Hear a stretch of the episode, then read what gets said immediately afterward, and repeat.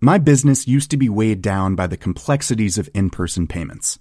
Then, Tap to Pay on iPhone and Stripe came along and changed everything. With Tap to Pay on iPhone and Stripe, I streamlined my payment process effortlessly. Now I can accept in person, contactless payments right from my iPhone. No extra hardware required. What's truly remarkable is how I can cater to all of my customers' payment preferences.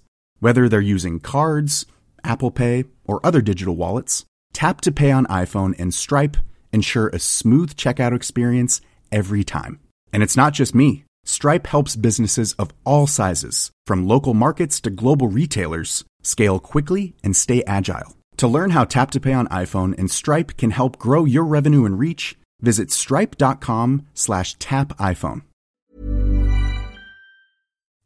For Alibaba, Amazon, Apple, Facebook og Microsoft så endte omsetningen i løpet av årets siste kvartal på svimlende 1753 milliarder kroner, eller 20 milliarder kroner i omsetning hver dag.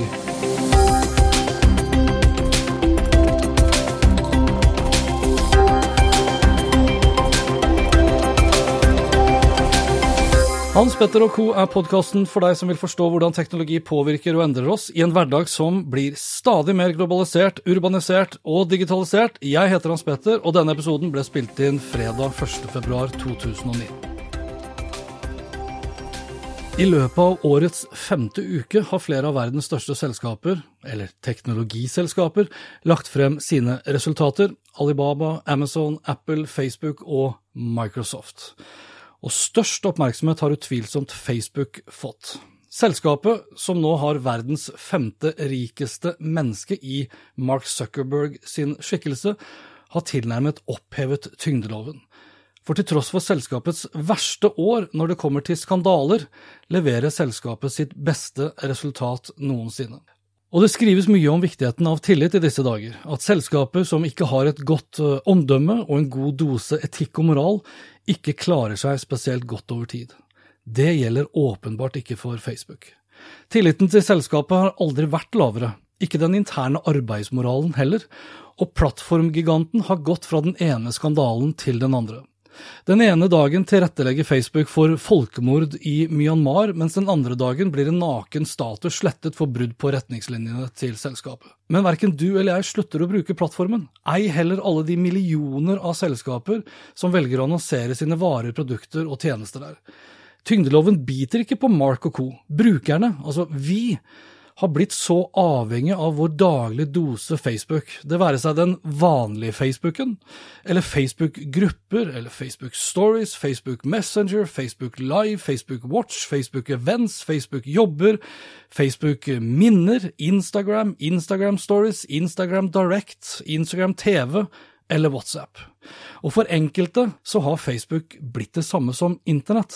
For mange er Facebook navet, altså på Facebook hverdagen starter og slutter. Og derfor gjør Facebook akkurat som de vil.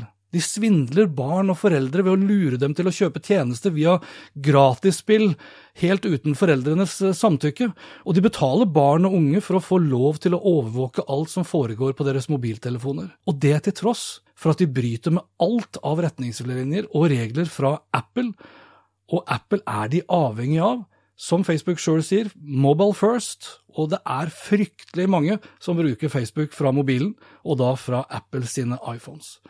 Men igjen, Facebook tillater seg å gjøre akkurat som de vil, fordi de har opphevet åpenbart tyngdeloven. Facebook har faktisk aldri gjort det bedre enn i skandaleåret 2018.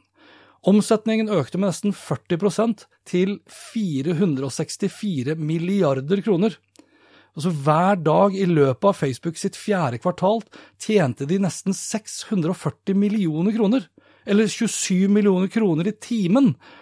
Sammenlignet med fjerde kvartal året før økte Facebook omsetning med 30% og overskuddet steg med utrolige 61 Noe av årsaken til den sterke veksten kan skyldes økte priser. Ja, til tross for alle skandalene, så klarer Facebook det kunststykket å skru opp prisene på sine annonser og komme unna med det. Tyngdeloven gjelder ikke for Mark Zuckerberg og co. Antall Facebook-brukere økte også, med nesten 10% og det til tross for at plattformgiganten har lekket, delt, kjøpt og kanskje solgt persondataene våre. Den største veksten i antall brukere var det Instagram Stories som sto for. Bare i løpet av det siste halvåret økte antall brukere med 100 millioner. Mens 2,32 milliarder mennesker bruker Facebook hver måned, bruker over en halv milliard av oss Instagram Stories daglig.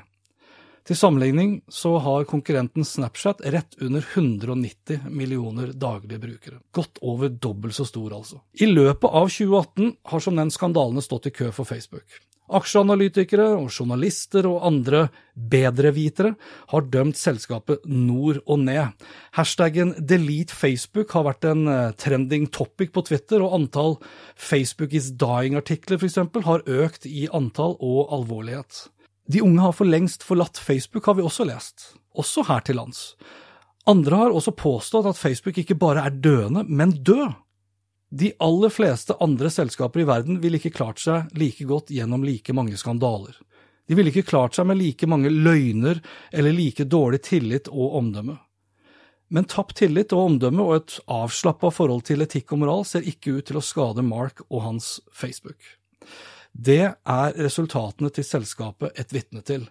For tyngdeloven, den gjelder åpenbart ikke for Facebook, og det er rett og slett skremmende.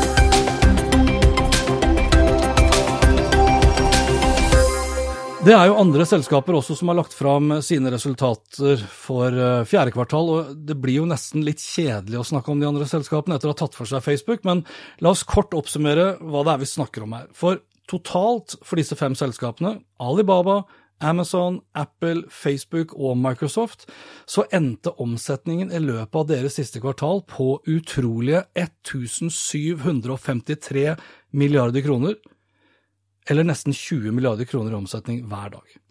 Apple alene sto for over 40% av denne omsetningsbonanzaen. Alibaba var kanskje det selskapet som skuffet mest, og skylder også da, i likhet med Apple, på Kina for deres eh, fallende tendenser. Størst omsetningsvekst eh, ser vi fra skyen, og her er Amazon størst, etterfulgt av Microsoft og Alibaba i hvert fall resultatmessig denne uken her. For neste uke så får vi blant annet vite hvordan det gikk i skyen da for, for Google. Og mens vi er inne på skyen, så kommer jo nå også Amazon til Norge med sine skytjenester. Amazon Web Services, som ble etablert i 2006, og som i løpet av det siste kvartalet omsatte for nesten 63 milliarder kroner. Det er en omsetningsvekst på 45% sammenlignet med samme periode året før. Omsetningsmessig så står AVS, eller da Amazon Web Services, for kun 13% av omsetningen til Amazon, men det representerer majoriteten av fortjenesten til hele selskapet. Og for Apple så endte omsetningen på 711 milliarder kroner. Til tross for problemer i Kina og fallende iPhone-vekst, så er det jo et formidabelt eh, omsetningsresultat de legger bak seg. Men det er en vekst i negativ forstand på 5 sammenlignet med året før. Størst nedgang var det i iPhone-salget, som sto for 15% nedgang, og her får selvfølgelig også da Kina mye av skylden for nedgangen. I Kina så har Apple sin totale omsetning falt med nesten 30 sammenlignet med året før, og det er klart det slår kraftig ut. Samtidig så er det mye annet som går bra hos Apple. Omsetningen for selskapets øvrige produkter økte med nesten 20% Hold dere fast, til og med iPad-salget økte, og det med 19% Men for et selskap som får nærmere 80% av salget sitt fra én produktkategori, og det er iPhone, så slår det kraftig ut på resultatet når veksten er avtagende. Eller rettere sagt, når veksten går over til nedgang. Dette var det. Takk igjen for at du hørte på denne spesialepisoden, eller ekstraepisoden. Jeg håper vi høres igjen om en uke. Da har jeg besøk av omdømmeeksperten Nils Apeland. Og da skal vi snakke litt mer om tillit, omdømme, etikk og moral. For selv om det ikke er åpenbart så viktig for Facebook, så tror jeg det er ganske viktig for alle oss andre, som tross alt må forholde oss til tyngdeloven. Og inntil da, vær nysgjerrig. Det er den beste måten å møte vår digitale fremtid på.